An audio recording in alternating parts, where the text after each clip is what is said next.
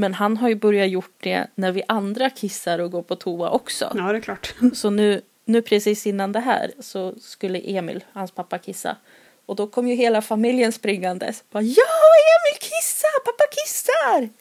Så vi stod där och hurrade han hade kissat. Hela familjen samlade på toaletten.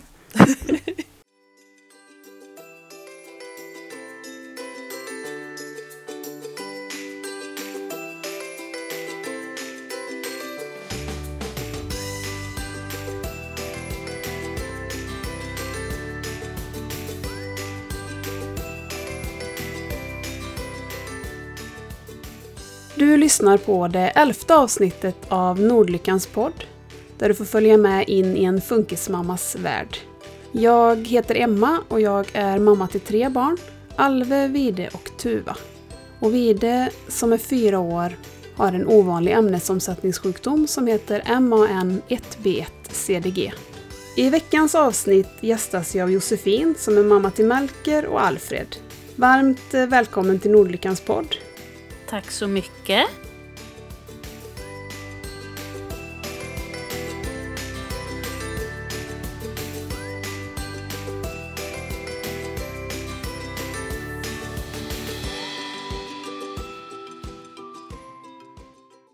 Berätta, vem är du? Jag är alltså Josefin. Jag är mamma till Melker och Alfred, precis som du sa. Och Melker eh, har autism, så att eh, vi är en funkisfamilj helt enkelt. Berätta, vem är Melker? Melker är en kille på fem år. Han är världens gladaste kille. Men eh, ja, han har autism helt enkelt. Han har sina specialintressen, han har sina svårigheter. Men han har också sina starka egenskaper. Så han behöver mer stöd än andra barn. Och det är ganska jobbigt ibland, men det ger så mycket mer. För den som inte vet vad autism innebär, hur skulle du förklara den funktionsnedsättningen? Oj, oj, oj. Det innebär att eh, hjärnan fungerar på ett annat sätt än hos någon som inte har autism. Han eh, tar in intryck på ett annat sätt. Han eh, bearbetar intrycken på ett annat sätt. Han ser detaljer. Om han ser ett foto så ser han detaljerna och inte stora helheten. Så han är väldigt detaljinriktad och väldigt... Han har lite svårare att ta in intryck helt enkelt. Det är svårt att beskriva hur autismen påverkar. För det är ju ganska nytt hos oss. Vi har haft den diagnosen sedan årsskiftet. Och om man lever med ett barn med autism så vet man ju, vi vet ju vad det innebär för Vide, men det är svårt att ibland sätta ord på. Upplever du på samma sätt att det är svårt att förklara? Ja, men det är svårt. Men Melker är ju dessutom vårt första barn, så att vi vet ju inte vad som är normalt om man ska säga så. Vi vet ju bara, alltså Melker är första, vi vet inget annat. Så att vad är hans diagnos och vad är det som ska vara? Det är ett frågetecken för oss. Så att, att beskriva Melkers diagnos blir svårt för mig eftersom jag inte vet något annat. Precis som alla människor är unika så är alla med autism också unika. Det uttrycker sig på olika sätt hos alla. När fick Melker sin diagnos? Han var två och ett halvt när han fick diagnosen. Vi började misstänka, eller vi misstänkte ingenting egentligen, men när han var två år så hade han fortfarande inte sagt sitt första ord. Han hade varken sagt mamma eller pappa eller alltså inget ord alls. Så att eh, jag kontaktade BVC och BVC skickade en remiss till en logoped. Och då kom jag dit med Melker och hon pratade lite med honom, försökte prata med honom. Och sen när vi, precis innan vi skulle gå så sa hon att han behöver nog inte komma tillbaka hit för jag tror att det ligger någon diagnos bakom hans problematik. Så att jag åkte hem och läste på. Men jag började om ADHD för jag tänkte att det går i min släkt, det är säkert det han har. Men det kändes ju inte alls som han. Och sen gick jag vidare och läste om nästa diagnos och sen nästa och till sist kom jag till autism. Och det var som en detaljerad beskrivning av Melker. Och då förstod ju jag. Och det här var samma dag som vi var hos logopeden så att allting kom ju på en gång för mig. Så dagen efter så hörde jag av mig till BVC igen och ville ha en remiss till BUP. Men de skickade en remiss till en psykolog istället som skulle göra bedömningen om det behövdes eller inte. Så någon vecka senare träffade vi psykologen. Hon träffade Melker en gång och vi pratade om Melker i en halvtimme kanske. Och hon tyckte också att eh, det var nog autism. Så att hon skickade remissen på en gång. Och sen skickades det till BUP. Och vi hade ju tur då, för att Melker var ju strax över två år. Och eh, i Västmanland så prioriterade de barn under fyra år när det gällde autism. Så att vi kom in till BUP på bara några veckor och då började utredningen på en gång. Så inom loppet av bara några månader så gick vi från logopeden till att ha en färdig diagnos på papper. Och hur var det att den resan gick så snabbt? Jag tycker att det var skönt, för jag är en sån som vill att allting ska gå fort. Jag vill alltid ligga steget före. Så att det gick så fort var skönt för mig. Men min man däremot hade lite svårare för det, för han behöver bearbeta det längre än vad jag behöver. Och under den här utredningen så frågade jag redan innan den var klar om vad de trodde att han hade. De bekräftade att de trodde att det var autism. Så jag gick ju hem till Emil, min man, och berättade att, ja, vad de hade sagt. Och den kvällen så låste Emil in sig på toaletten och grät. För att han tyckte att det var så jobbigt. Medan jag mer kände en bekräftelse. Att ja, men äntligen får jag det bekräftat. Äntligen vet jag. Och var det någon som hade sagt någonting om det här innan, förutom då att han inte pratade? Ingen alls faktiskt, men så fort jag nämnde att han skulle få en utredning för det så nämnde förskolan att jag vill ha misstänkt det. Och då var jag lite besviken för att jag tänkte att varför har ni misstänkt det men inte sagt någonting till oss så att vi skulle kunna ta det vidare? Eller varför har inte ni tagit det vidare från början? Visserligen, han var bara två år då, men eh, så fort någon misstänker någonting så vill jag veta det när det gäller mina barn. Du sa att ni eh, gjorde utredningen via BUP. Är det BUP som ni tillhör nu också? Nej, så fort man har fått sin diagnos på papper så blir man eh, eller så skickas en remiss till habiliteringen. Så att det är habiliteringen vi tillhör. Och här i Västerås är habiliteringen hur bra som helst. Alltså vi har verkligen tur. Sen Melker fick sin diagnos, det första året var vi där varannan vecka. Och då, alltså vi pratar om allt möjligt. Han har varit där på matskola för att han har svårt att äta till exempel. Vi har varit där för att träna på att lyssna på sitt namn och träna på att härma till exempel. Och nu det senaste året så har vi varit där en gång i månaden för att det tog lite för mycket tid. Okej, men att ni är där mer sällan, det är ett val som ni själva har gjort? Precis, vi valde det själv för att Emil var på väg in i väggen. Vi behöver fokusera på hela familjen.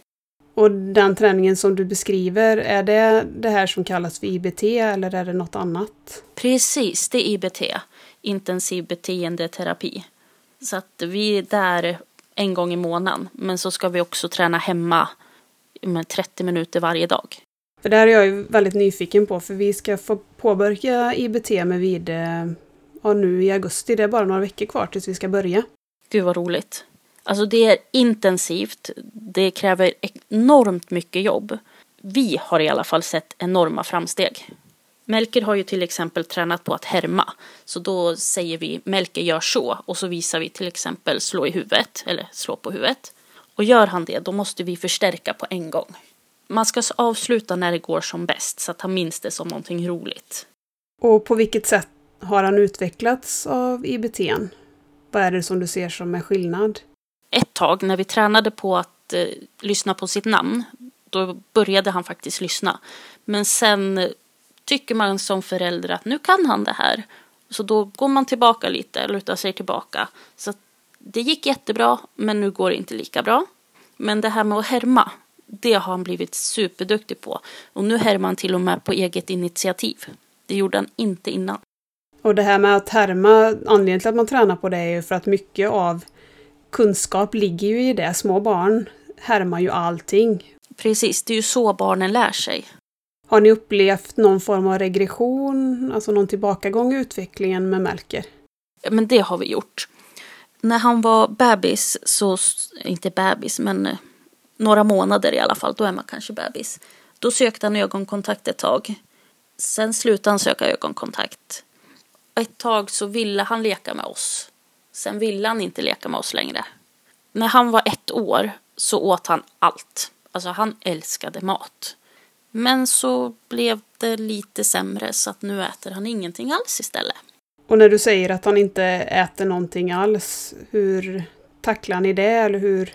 Han äter ju lite, men det är extremt små mängder.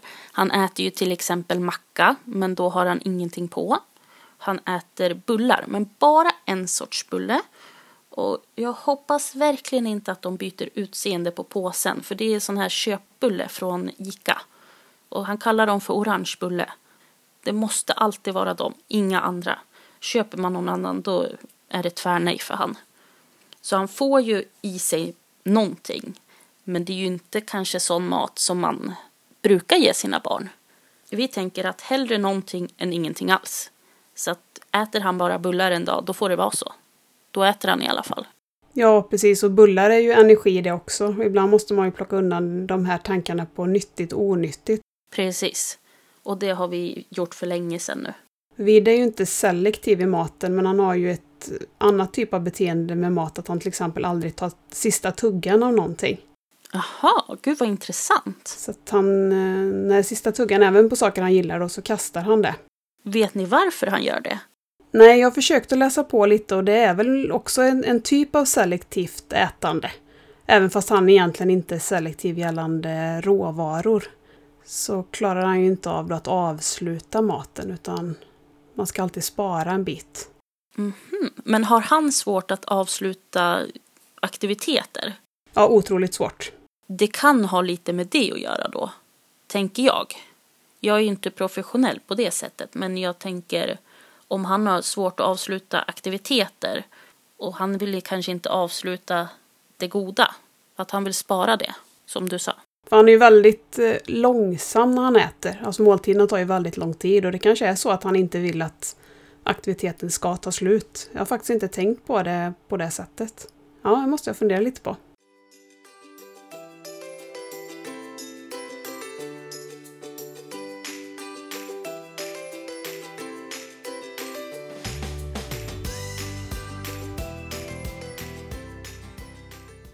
Du berättade att han inte pratade då när ni träffade logopeden första gången.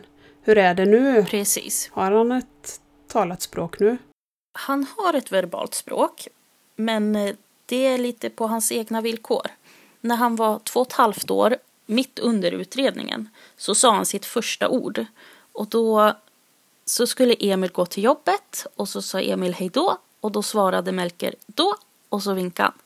Och det var första gången Melker sa någonting verbalt och det var första gången han vinkade. Så att, alltså det var ett helt otroligt ögonblick. Men sen dröjde det ganska lång tid, ett halvår kanske, innan nästa ord kom och då var det mamma och pappa. Och sen dröjde det ytterligare ett år, då var han alltså fyra, innan han började prata mer. Han har mest ekotal. Han upprepar det vi säger. När han inte upprepar det själv så vill han att vi ska upprepa det han har sagt. Och just nu så är han väldigt intresserad av vägskyltar till exempel. Så när vi är ute och åker bil så säger han 90 mamma och då måste jag svara ja, där är 90. Och då säger han 70 mamma och så svarar jag ja, där är 70. Så att jag behöver hela tiden upprepa det han säger för att han ska förstå att vi pratar med honom. Eller att vi besvarar det han säger. Och om du inte skulle besvara och låta honom prata i tomme, vad händer då? Då upprepar han det konstant tills jag till slut svarar ändå för att man inte orkar höra det. Och har han förmåga att svara på en fråga till exempel? Väldigt få frågor. Om jag frågar om han vill sova, han svarar inte på det, men frågar jag om han är hungrig så kan han svara ja. Han svarar bara på ja och nej frågor, inga andra. Så om jag frågar vad vill du göra så kan han inte svara på det. Och frågar jag om han är kissnödig så svarar han ja. Eller nej. För du sa att han ett tag så sa han bara mamma och pappa. Har han gått tillbaka med talet vid något tillfälle så att han har haft ord och tappat eller har det hela tiden ökat på ordförrådet? Men han har tappat många ord. Det är vissa ord, jag har inget så här på rak arm som han har sagt och sen har det försvunnit. Men eh, varje gång man hör ett nytt ord så tänker man ja men det här kan vara sist, första och sista gången som jag hör han säga det här. Men nu det här senaste året så har det verkligen gått framåt. Han ökar sitt ordförråd hela tiden. Men det är främst inom sina specialintressen som han gör det. Och vad är det för specialintressen han har?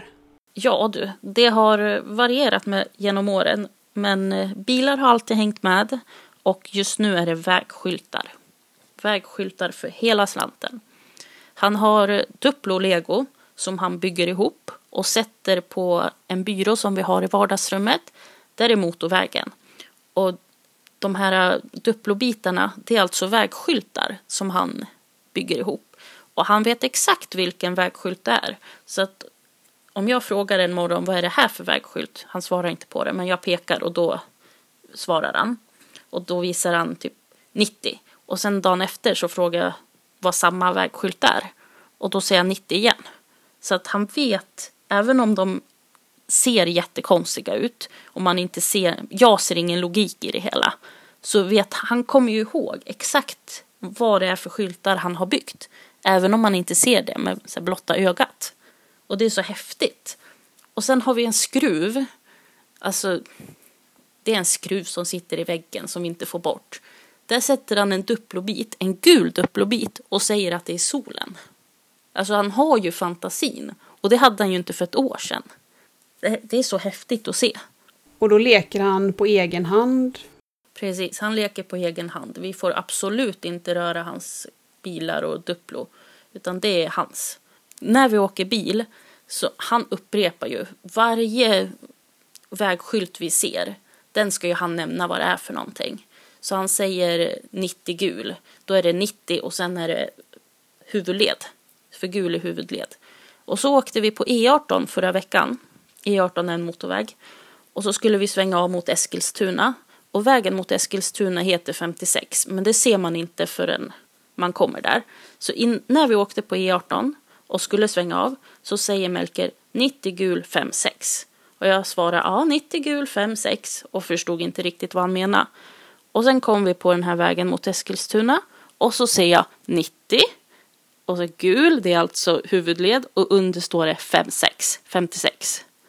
Så han har alltså kommit ihåg, vi har åkt den här vägen förut. Han kommer ihåg vilken väg vi åker och vilken ordning skyltarna kommer. Det är ju ändå rätt häftigt. För jag kommer ju inte ihåg det. Jag hade inte en aning om att vägen hette 56. Men han vet det. Men på ett sånt sätt att han också vill veta vad skyltarna betyder eller är det mer ett bildminne han har av dem? Han har ett bildminne och sen säger han Alltså när motorväg tar slut då är det ju motorväg och sen ett streck över. Då säger han motorväg nej. Och det betyder alltså motorvägen tar slut. Men när han säger någonting sånt då berättar jag för honom ändå. Även om han kanske inte lyssnar eller inte förstår eller inte vill höra. Så berättar jag att ja, men det betyder att motorvägen tar slut. Och när han säger gul så säger jag men det är huvudled. Det betyder att vi har företräde. Så att jag förklarar ju hela tiden skyltarna. Och så sa du att han hade bytt eh, specialintressen. Ja, han tyckte ju om tåg väldigt mycket förut. Alltså vi satt och kollade på tåg på, på Youtube. Hela tiden. Alltså konstant. Men eh, sen har det ändrats till bussar och så hissar, rulltrappor och nu är det vägskyltar. Så nu sitter han och tittar på, det är en gubbe som jobbar på en trafikskola som kör runt i Norrköping kanske det var, nej Karlstad var det. Och det tycker Melker är jätteintressant för då ser han ju vägskyltarna. För det här med specialintressen, en fördom som jag hade tidigare var ju att man liksom har ett specialintresse och sen byter man inte det. Men eh, det har jag förstått både på video och på andra barn att så är det ju inte alls utan intressena skiftar. Precis, jag hade också den fördomen innan Melker. Och jag tänkte att ja, men nu kommer vi få stå ut med ett och samma. Men eh, han har ju verkligen olika, även om det alltid hänger ihop eller hänger med. Så han byter ju ändå intresse, men eh, det han tycker om blir ju verkligen ett specialintresse. Det är ju det enda som gäller just då. Och det kan ju ändå vara väldigt intressant, för jag lär mig ju ändå mycket. Och när han hade rulltrappor som eh, specialintresse, då satt man ju och kollade på rulltrappor på Youtube. Och är man hemma en hel dag med barnen, då är det ganska lugnande att bara sitta och titta på det faktiskt. Likadant med tåg när de åker omkring. Det är också ganska lugnande. Ja, det här med rulltrappor på Youtube kanske vi skulle prova. Vi älskar ju rulltrappor live, men eh, jag har inte låtit honom kolla på film på det, men det kanske vi ska testa. Det är väldigt lugnande. Anton V på Youtube. Det ska jag kika in då. För vi är ju köptjänster och så nu, så om det finns en rulltrappa då, då får man stå där. Då fastnar ni ja. där. Känner igen det. Det gör vi också. Antingen där eller i hissen. Ja, hissen har han tyckt var väldigt roligt innan, men det intresset har han tappat lite grann. Nu är ju rulltrappa, är ju, om det finns, så är ju det, är det första alternativet. Tycker han om att åka rulltrappa? Nej, det är inte så noga, utan titta. Bara titta på det? Helst ska det komma folk i den också. Ja, gud ja. Det måste det vara. Det måste vara rörelse. Annars funkar det inte. För Vides tidigaste specialintresse var pinnar av olika slag och dels hade han en sån här pinne med glitter i som man vände fram och tillbaka. Och då med den här fördomen att det här specialintresset kommer hålla i sig så tänkte jag att han kommer ju sitta med den här tills han är 25 och vända på den här pinnen. Men så är det ju inte utan en dag så var ju inte den där pinnen intressant längre. Och det går ju liksom från en dag till en annan också. I alla fall för oss. Det har inte bara liksom gått över, över en lång tid. Utan det är verkligen, idag tycker jag inte om det här längre. Nu tycker jag om det här istället. Inte för att han säger det, men man ser det på honom och han visar det.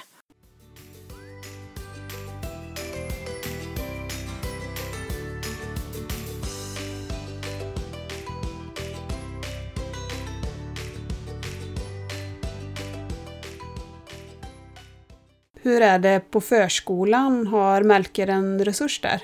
Han har resurs på heltid. Alltså i vanliga fall, vad jag har hört, så brukar många föräldrar få kämpa för att ens barn ska få resurs. Men vi hade sån tur att eh, förskolan tog upp med oss att de funderade på om Melker ville ha resurs och fråga om våra tankar kring det. Och vi hade inte ens tänkt på det. Men eh, vi tackade ja till det i alla fall. Så vi hade möte om vad vi ville få ut av det hela. Och så sa de att vi kommer ansöka, vi har en privat förskola, men eh, de sa att vi kommer ansöka om pengar för resurs. Men oavsett om vi får pengar eller inte så kommer han få ha en resurs. Så att han har resurs på heltid. Och resursen är en, eh, hon jobbar som pedagog på förskolan så hon kände ju redan Melker. Och det var en som Melker tydde sig till jättemycket. Och den här resursen, alltså hon följer med till habiliteringen på varenda möte. För att vi ska ja, men, jobba med samma sak och jobba på samma sätt. Och hon, vi har en grupp på Facebook så hon skickar bilder ibland på vad Melke gör, om det har gått bra. Hon berättar, alltså gör Melke någonting bra en dag, eller hon berättar i detalj, alltså allting som Melke gör i stort sett. Och hon är helt fantastisk. Hon är som hans bästa vän och som hans stöttepelare. Och det betyder ju så otroligt mycket när man får in de där guldkorden i ens liv. Sådana personer som man aldrig vill släppa taget om. Precis. Och det har jag... Alltså, Melker är fem år. Nästa år kommer han börja förskolan. Alltså förskoleklass kanske. Om vi inte ansöker om att han ska gå ett år längre. Och då kommer vi vara tvungna att släppa henne. Och det är lite jobbigt. För jag tycker om henne så mycket. Men jag har börjat fundera på vi har ju ingen avlastning alls.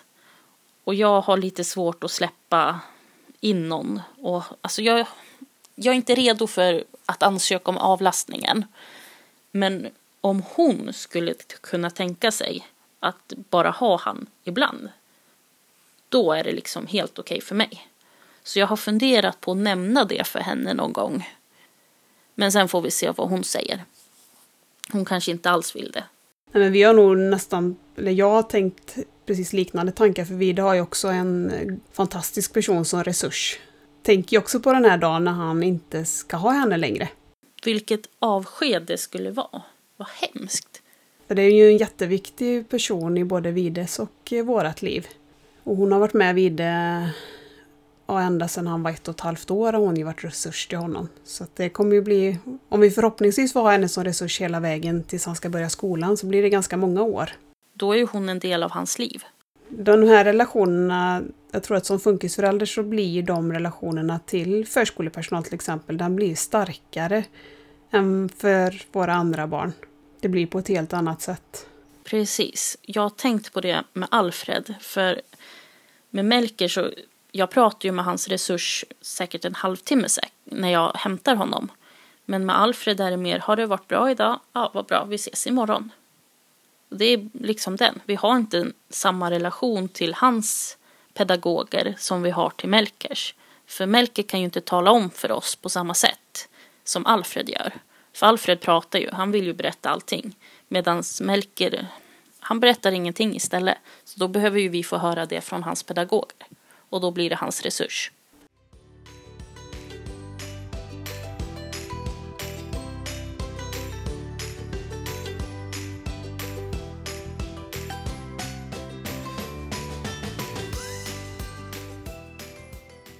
Skulle du säga att Melkers autism, att den funktionsnedsättningen har blivit svårare eller lättare med hans ålder? Alltså både och. När han var liten så var det ju mer, han kunde ju inte kommunicera då alls. Så att han drog igen och så fick man lista ut vad det var han ville. Så att kommunikationen har blivit bättre. Men samtidigt så för oss föräldrar så är det svårare för att det är mer saker vi oroar oss över nu än när han var liten. För nu är det liksom hur ska andra reagera? Hur ska andra bemöta honom? Hur kommer han reagera när han märker att han inte är som andra? Och han blir dessutom starkare. Och när han får ett utbrott så är det inte lika lätt att lyfta upp honom och försöka få honom att hålla ihop eller lugna ner sig. Som det var när han var bebis eller mindre. Så samtidigt som det blir lättare så blir det också svårare. Och vad har du, har du några farhågor inför framtiden? Jag är ju jätterädd att han inte ska ha några vänner. Alltså det, det är det värsta. För han, han har en vän idag. Men det är i stort sett allt. Och jag vet inte när man börjar bli bjuden på kalas, alltså vilken ålder. Men han har ju aldrig blivit det. Han är visserligen bara fem så hör man andra barn på hans förskola att de ska leka efter eller följa med någon annan hem. Det har ju aldrig Melker haft. Han följer ju aldrig med någon hem någon har aldrig velat följa med honom hem. Så att man är ju hela tiden rädd för att han inte ska ha vänner eller för att hans vänner ska typ utnyttja honom. Och hur ser det ut där ni bor? Finns det någon skola med specialanpassade klasser för barn med autism eller kommer han få gå i en vanlig klass? alltså det finns en skola för barn med autism som jag vet om. Men då behöver man också ha en intellektuell funktionsnedsättning. Och det vet inte vi om Melker har än. Han ska göra den utredningen skolåret innan han börjar förskoleklass. Så att vi får ju avvakta tills dess. Men det finns ingen specialanpassad i vanlig skola. Så att då får han ju börja en vanlig skola och sen finns det kommungemensamma, jag kommer inte ihåg vad den heter, men då är det när det verkligen inte funkar så kan man börja i en annan, alltså i en mindre grupp. Men då behöver man ansöka om det och den ansökningen gör skolan och det kan ta flera månader. Så att det, det finns en risk att han kommer gå vanlig skola och det inte alls funkar ett år innan han får börja något annat i så fall. Nej, precis. För det om man ska ha rätt till särskola så måste man ha en intellektuell funktionsnedsättning. Precis. Och vi vet inte om man har det eller inte. För jag tänker också mycket på det här med kompisar för Vides skull. Ibland tänker man nästan att han inte har behovet av vänner, vilket han ju såklart har. Precis. Och vi försöker ju skapa relationer runt omkring oss med andra funkisföräldrar med barn i hans ålder. Jag har tänkt att jag ska göra det, men jag hittar inte så många här i Västerås. Barn i Melkers ålder med den diagnosen. Visserligen skulle man kunna ta an andra diagnoser också. Det har jag inte tänkt på. De flesta som vi har träffat har ju faktiskt träffat via habiliteringen i olika antingen träningsgrupper eller föräldrautbildningar. Det är den vägen som jag Vad har träffat smart. andra. Mm. Vi hade en föräldrautbildning, men eh, alltså precis när vi hade fått veta hans diagnos men där var föräldrarna, de ville inte acceptera sina barns diagnoser. Så jag kände inget samband med dem, jag kände ingen connection. Så att vi tog inte kontakt med någon av dem. Nej, det känner jag igen. Vi, vi gick en kommunikationskurs och där var det jättebra. Där var man på samma nivå, men så gick jag på en utbildning som skulle vara för barn med intellektuell funktionsnedsättning. Och där satt ju det många föräldrar som hade fått de hade fått en lindrig utvecklingsstörning, den diagnosen, och de hade väldigt svårt att acceptera det. Så det var väldigt mycket frågor kring vad barn ska och inte ska kunna i viss ålder. Så jag förstår vad du menar, att man inte är riktigt på samma våglängd om man själv har accepterat diagnosen och bara vill ha information och inte vill ifrågasätta Precis. den. Sen gjorde du ett inlägg för någon dag sedan här där du visade upp en keps som ni har köpt till Melker. Vill du berätta lite om den? Ja, alltså när vi är ute, Melker sitter oftast i vagn, vi får mycket blickar på oss. Att, eh, och vi får höra mycket stönande och suckande, att Melker är för stor för att sitta i vagn och att han, vi borde uppfostra honom bättre för att han skriker för mycket. Och vi får höra lite allt möjligt från vuxna människor som vi inte har en aning om vilka det är. Alltså vuxna okända människor som klankar ner på oss som föräldrar eller klankar ner på Melker för att han beter sig på ett sätt som de inte tycker är okej okay, eller är normalt. Så att jag fixade en keps. Jag designade kepsen själv och så skickade jag in det till eh, ett företag som gjorde en brodyr på kepsen. Så det står autism och så står det Melker under. Så att eh, han har alltså en keps på sig när vi är ute där det står autism på. Så att eh, andra ska se hans funktionsnedsättning. För han har ju alltså en osynlig funktionsnedsättning. Ingen som ser honom kan ju se att han har autism. Det syns ju inte på honom. Men med den här kepsen så kan man ändå få en liten aning om att han antagligen har det. Och förhoppningsvis så vet andra människor vad autism är. Om inte annat så kan de fråga oss, för då kan vi berätta. Eller så kan de gå hem och googla på det, vad som helst. Så att samtidigt som han kanske får lite större förståelse i samhället så kan vi också öka kunskapen eller synliggöra hans funktionsnedsättning för omvärlden. Det är lite det som är tanken med den. Har ni hunnit använda den ute? Vi har bara använt den ute två gånger och då har vi varit på ställen där det inte är människor. Så att eh, vi har inte fått någon reaktion än. Spännande att höra vad ni får för reaktioner. Ja, jag berättade för en nära släkting om att vi skulle skaffa en. Och så fick jag höra att men då kommer det ju synas på honom att han har autism. Och jag kände att ja, det är det som är syftet med det. Det är inget negativt med att han har autism. Det är liksom, det är bara den han är. Nej, för det var det jag tänkte att den reaktionen kanske också kommer att man tycker att, eh, ja, vad ska man säga, att man eh, liksom inte tar hänsyn till hans personliga integritet då, utan att man eh, skyltar med den här funktionsnedsättningen. Men han har ju autism oavsett om det står på kepsen eller inte. Precis, det är så jag tänker. Oavsett om det syns eller inte på hans keps så kommer det synas i hans beteende. Och då är det väl bättre att det syns på hans keps varför han beter sig så. Istället för att folk ska tro att han är ouppfostrad så kan de förstå att han har ett utbrott för att det är jobbigt för honom. Inte för att han vill det eller för att han vill någonting annat utan för att det faktiskt är jobbigt. Upplever du att ni får mycket kommentarer när ni är ute med Melker? Det är olika. Alltså ibland får vi jättemycket kommentarer och ibland får vi mest blickar. Men det är oftast någonting i alla fall. För han, han är som sagt fem år och sitter fortfarande i vagn. Och han är fem år och får utbrott så att han lägger sig ner och skriker. Jag tänker att det är normalt för barn. Men hans utbrott slutar ju inte där utan han kan ju skrika i en halvtimme säkert. Och det är för att han tycker att det är jobbigt medan då kan man få höra att men han ska inte skrika, det är bara att lugna ner han. Men det är inte bara att lugna ner han utan vi behöver ju få bort allt, alla intryck, allting som är runt omkring honom innan han kan lugna ner sig igen. Och det är det vi har vagnen till, för då kan han ha ner suffletten så att han är instängd. Och han har ju sina hörselkåpor så att han stänger ute ljud. Och han har ju sin keps, för det blir ju lite så här syn... Ja, skydda synen lite. Han har ju sina knep. Och så har han sin iPad, eller telefon, så att han kan titta på YouTube om vi är ute. För då har han sitt tunnelseende ner till telefon eller iPaden. För jag har ju kommit på mig själv ibland att eh hyscha vid när han får utbrott. Och då är ju inte det för att han kommer ju inte tystna av hyschandet utan som ett skådespel nästan mot människor som är runt omkring för att de ska förstå att jag gör allt vad jag kan för att han ska sluta skrika. Det gör jag också och jag känner mig så taskig mot Melker just då. Eller när jag kommer på att nu har jag hyschat honom.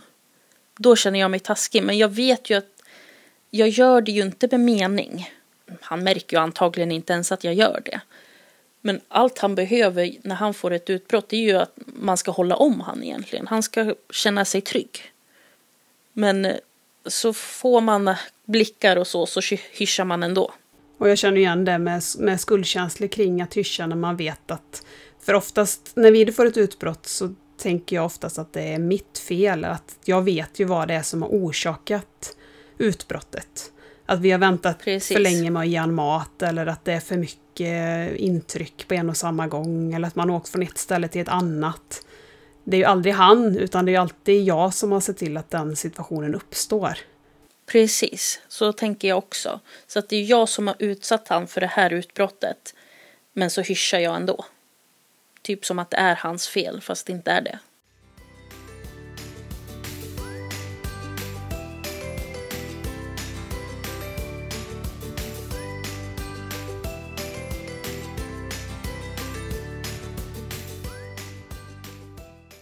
Och hur är det att ha med sig Melker på utflykter? Det är lite kalabalik. Han eh, springer gärna. Alltså är vi ute på där han får gå själv, då springer han gärna så långt han kan från oss och gärna ut på vägar. Så att jag ska fixa en sele till han så att han inte kan springa men så att han ändå kan gå. För han vill ju gärna gå. Han ser ju andra som går och då vill han gå själv. Men eh, han får ofta utbrott när vi är bland människor. Är vi ute i skogen så är det lugnt. Då, alltså, han får utbrott när vi ska hem. Det är oftast då. Men när vi är bland människor så får han utbrott gång på gång. Så att vi undviker ju gärna utflykter bland människor. Eller där vi inte kan gå undan. Så att han kan få vara för sig själv.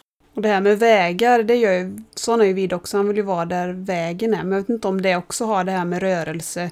Jag tänker rulltrappa, hiss, ofta att det kommer bilar åkande fram och tillbaka, att de dras till den här platsen där det finns en rörelse. Jag tror nästan det, i alla fall med Melker. Men samtidigt kan jag tycka att han har svårt när det är för mycket rörelse när det är människor. Men han har inte svårt när det är för mycket rörelse på en motorväg. Det är lite så här dubbelmoral. Men det är lite kul ändå. Men bilarna kanske rör sig på ett mer regelbundet sätt. Människor är ju oberäkneliga. Det är sant, det har jag inte tänkt på. Vi är ju i en liknande situation där vi, våra sambos eller din man då jobbar obekväm arbetstid så att du är själv en hel del med barnen. Precis, han jobbar mycket kvällar och varannan helg. Så att eh, jag eh, är själv med dem i stort sett varje veckodag på vardagarna och varannan helg. Så att när vi är själva så är vi mest inne. Just på grund av att Melker gärna sticker ut på vägar. För att jag har inte möjlighet att bära runt på två barn.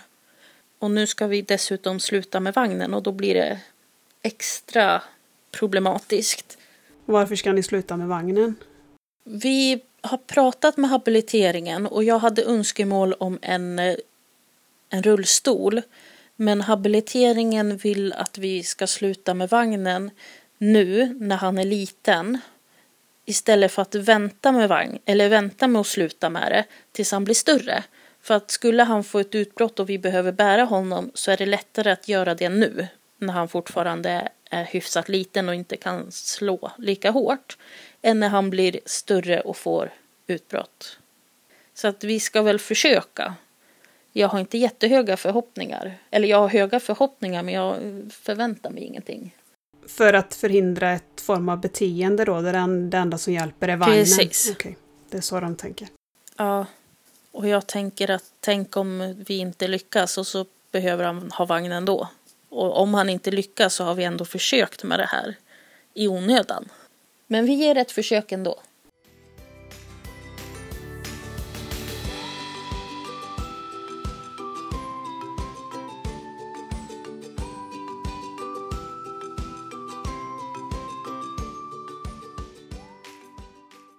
Tänkte jag att jag skulle fråga dig lite om toaträning för att det vet jag att du varit öppen med på ditt Instakonto att ni har påbörjat toaträning med Melker ganska nyligen. Precis, det har vi gjort. Ja, för en vecka sedan. Så han har gått en, en hel vecka nu utan blöja. Oj, fantastiskt. Och det har gått... Ja, det är helt fantastiskt. Vi, vi försökte ju för typ ett år sedan. Men eh, då totalvägrade han. Men nu hade han sin lillebror som är tre. Som skulle sluta med blöja. Och då tänkte vi att om Alfred slutar med blöja först så får Melke se hur det går till. Så att Alfred slutar med blöja två veckor innan Melker. Så när Alfred satt på toa så fick Melker följa med in så att han bara fick se.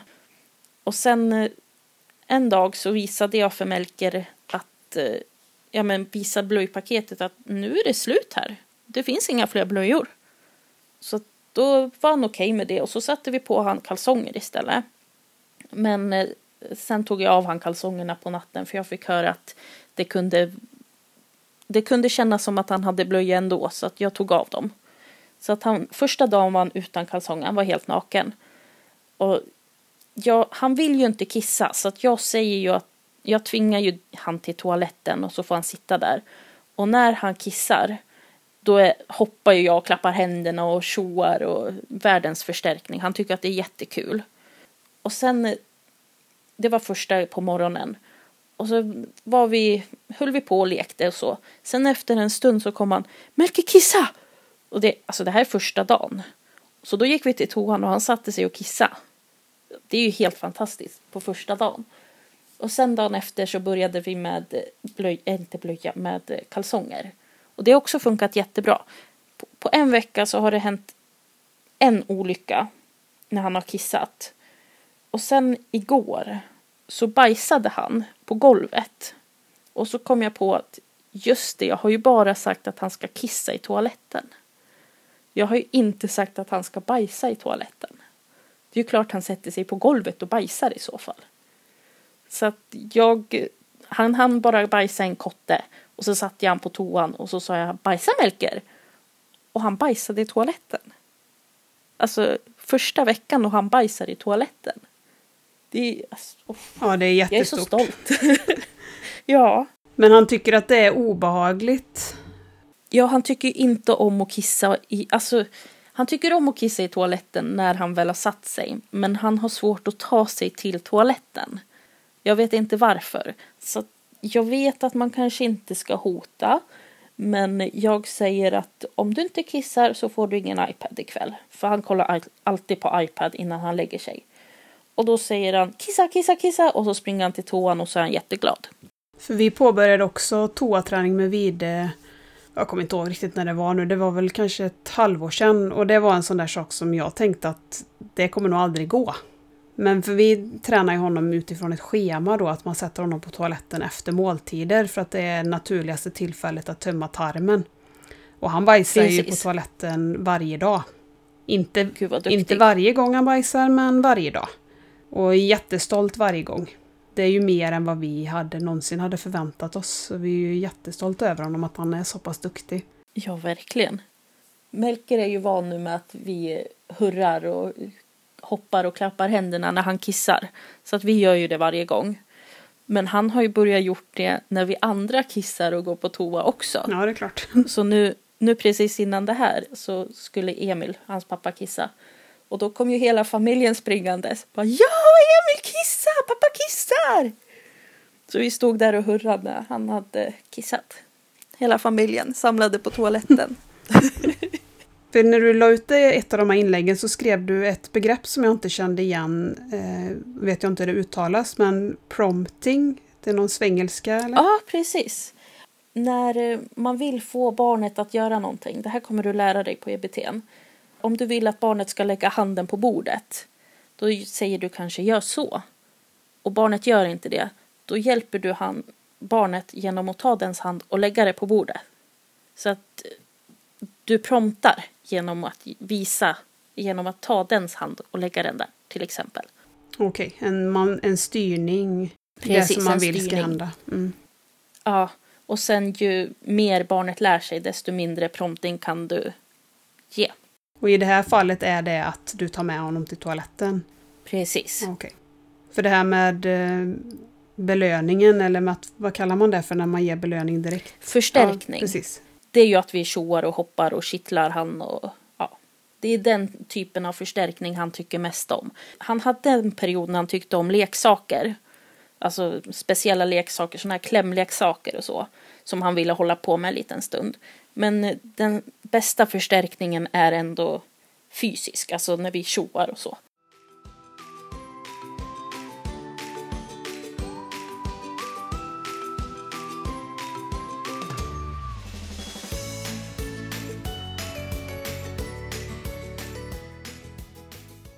Hur påverkar Melkers diagnos er som familj och din relation till din man?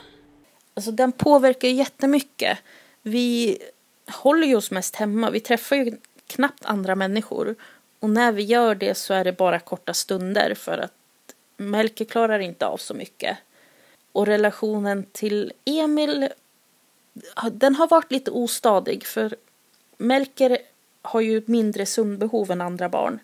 Så att han kliver ju upp vid fyra på morgonen. Och då är det ju en av oss föräldrar som måste kliva upp.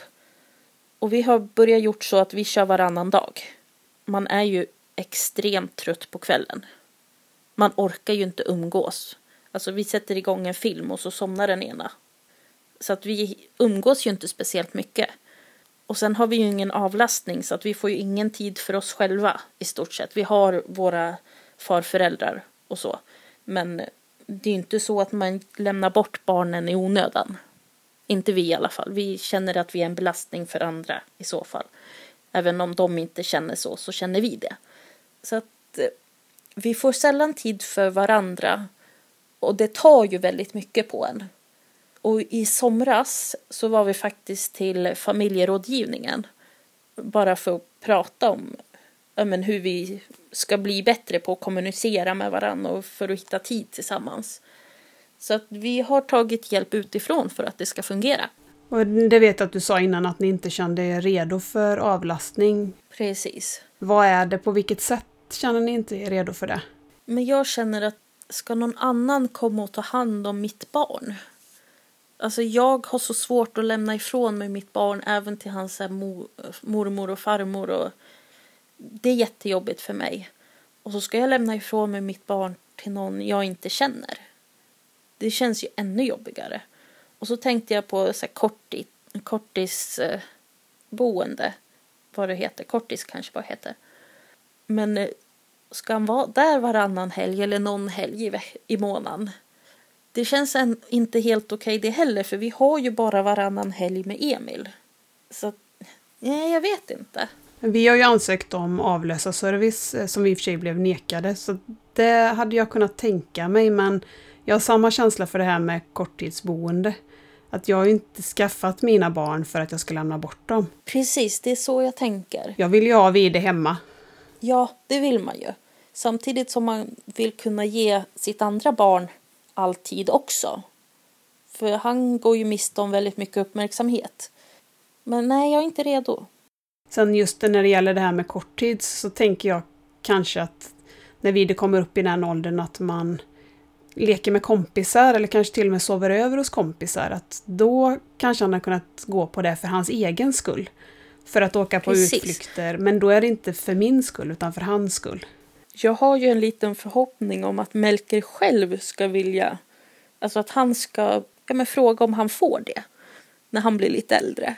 Så att jag kan säga ja, det är okej. Okay. För då är det för hans skull. Då är det inte jag som tar upp det heller, utan då är det han som vill det. Sen har ju han tur som har, hans mormor jobbar på ett kortis. Så jag tänker att hon kan ju prata med honom om det sen. Om och när han förstår. För de verkar ju ha det superbra på det kortiset som hon jobbar på. Men jag vill ju inte ha mitt barn där. Nej, det blir kanske lite konstigt. Precis. Har du något tips eller något råd som du tänker om det är någon familj där man precis har fått en diagnos om autism eller man misstänker att ens barn har aut autism? Om man misstänker så ta kontakt med BVC alltså, eller BUP. Man kan skicka egen remiss.